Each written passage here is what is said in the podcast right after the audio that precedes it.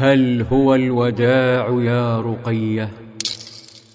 ضربت قريش حصارا اقتصاديا خانقا على دولة الإسلام فأرسل النبي صلى الله عليه وسلم أنصاريا يدعى بسيسة في مهمة سرية لكن خبرا محزنا يصل إلى النبي صلى الله عليه وسلم. رقية مريضة. رقية التي لم تهنأ بشبابها في مكة فهاجرت إلى الحبشة وماتت أمها خديجة بعيدا عنها ثم هاجرت إلى المدينة ولم تكد تحظى بقرب والدها صلى الله عليه وسلم حتى عاجلها مرض خطير فهي تئن الآن على فراش الموت. يعودها صلى الله عليه وسلم فيحزن لحالها فتنظر إليه بعينين باكيتين فيودعها ويخرج من عندها لأن دولته في خطر. ولأن شعبه أهم من أسرته. وصل المبعوث الأنصاري فنزل عن راحلته ودخل بيت نبيه. فأخبره أن الحركة التي رصدها كانت لقافلة قرشية يقودها أبو سفيان. خرج صلى الله عليه وسلم فخاطب رجاله واستشارهم. فتكلم أبو بكر فأعرض عنه ثم تكلم عمر فأعرض عنه ففهم أسد الأنصار سعد بن عبادة المغزى وأن هذا القائد ملتزم ببيعة العقبة فقال إيانا تريد يا رسول الله والذي نفسي بيده. لو أمرتنا أن نخيضها البحار لاخضناها ولو أمرتنا أن نضرب أكبادها إلى برك الغماد لفعلنا.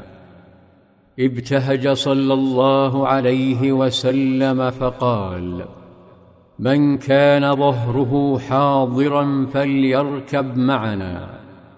فطلب البعض الانتظار ليحضروا رواحلهم من علو المدينة فقال لا إلا من كان ظهره حاضرا. عجت المدينة بالحركة واجتمع كبار المهاجرين والأنصار فحاصرتهم العيون البريئة. جاء عمر بابنه عبد الله فتأمله صلى الله عليه وسلم فوجده طفلا فأعاده مكسور الخاطر. بعد أن كان يحلم بخطوات يسيرها في دروب البطولة والشهادة وجاء طفل آخر اسمه البراء بن عازب فرده فراح يقول استصغرت أنا وابن عمر يوم بدر وجاء سعد بن أبي وقاص بأخيه عمير فتأمله صلى الله عليه وسلم فاستصغره فقال ارجع عندها بكى عمير. فرق صلى الله عليه وسلم له فأجازه فغمرته السعادة. كأني به ينظر إلى أخيه ويبتسم وهو يمسح دموعه. كان العناق وكانت الوصايا في كل مكان. على أحد الأبواب تعانق امرأة عظيمة اسمها عفراء ولديها وأخرى تودع نور عينها الحارث. انطلق النبي صلى الله عليه وسلم ورجاله وشبابه بعد أن أبقى عثمان وأسامة بن زيد عند رقية وخيم على المدينة ليل حزين يضج بالدعاء لله أن يحفظ الأحبة.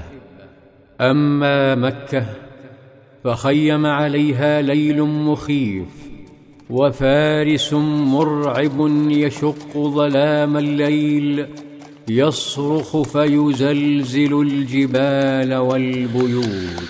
في ظلال في ظلال السيرة.